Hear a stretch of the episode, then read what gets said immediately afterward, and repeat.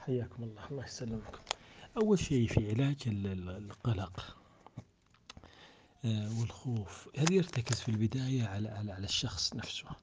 يعني كيف يتعامل معه؟ أول خطوة يعني آه، أنا أقول إنها تشخيص المشكلة يعني وش المشكلة عندي؟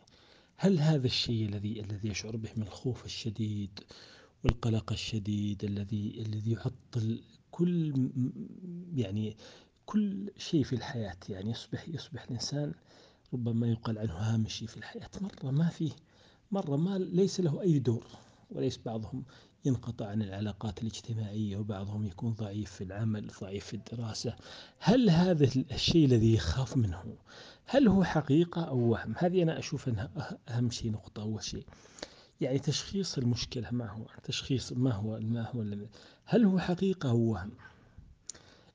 إن كان الآن طبعا عرفنا نعرف لابد نعرف أنه أنه عند التشخيص ستكون القضية قضية وهم وهم ليست حقيقة. فنقول المشكلة التي مع زيد من الناس هذه وهم ليست حقيقة. لابد يعتقد هذا الشيء ويعرف أنه يعيش رعب كبير وخوف شديد و... وكذا لكنه كل هذه أوهام ليست ليست إيش؟ ليست حقيقة. النقطة الأولى التشخيص. تشخيص الإيش؟ الحقيقي. النقطة الثانية أن الإنسان يعني إذا عرف هذا تطمئن نفسه يعني طبيعي. تطمئن نوعا ما يعني.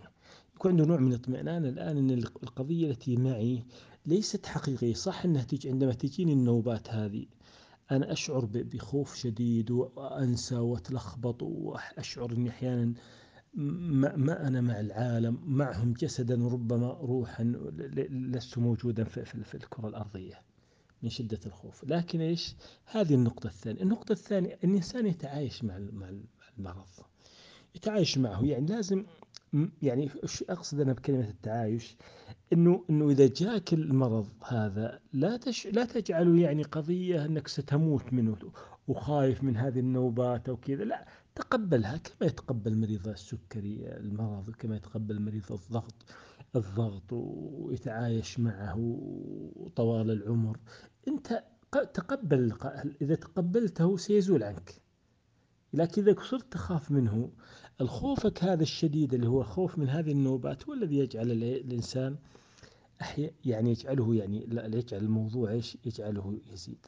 إذا عرفنا أنه أنه شخصناه أنه وهم ثم تقبلناه يعني تقبلنا التعايش معه يعني صرنا نتعايش معه تبقى عندنا النقطة الأخيرة أن نستفيد من التجارب السابقة كل تجاربنا مع الخوف والقلق الماضي في كل مناحي الحياة. يعني هذا الخوف والقلق في كل مناحي الحياة.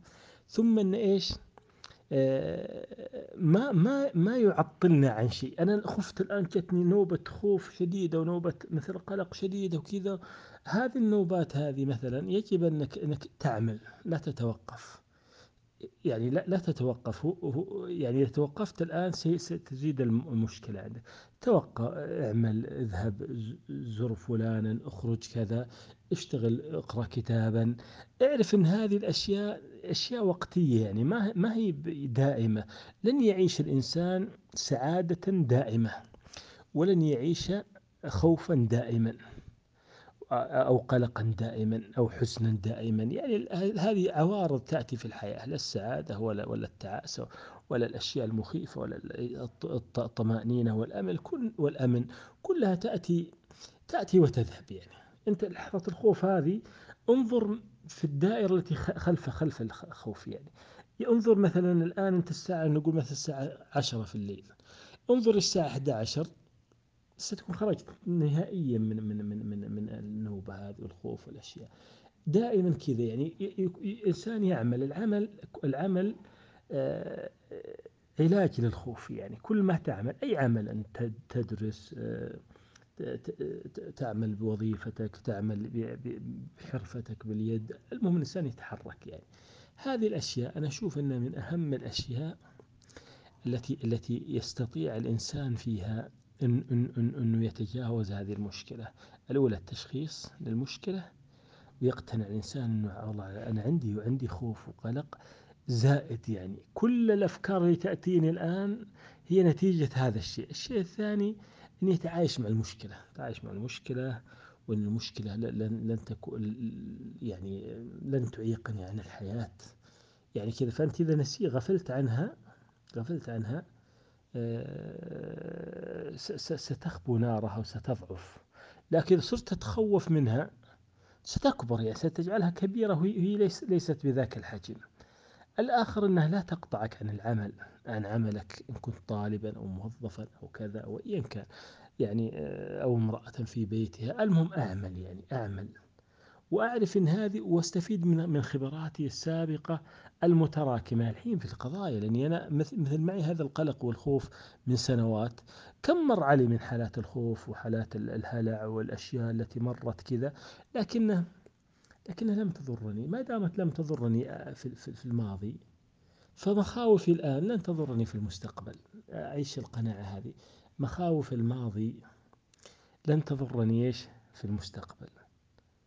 وبإذن الله الأمور إلى التمام.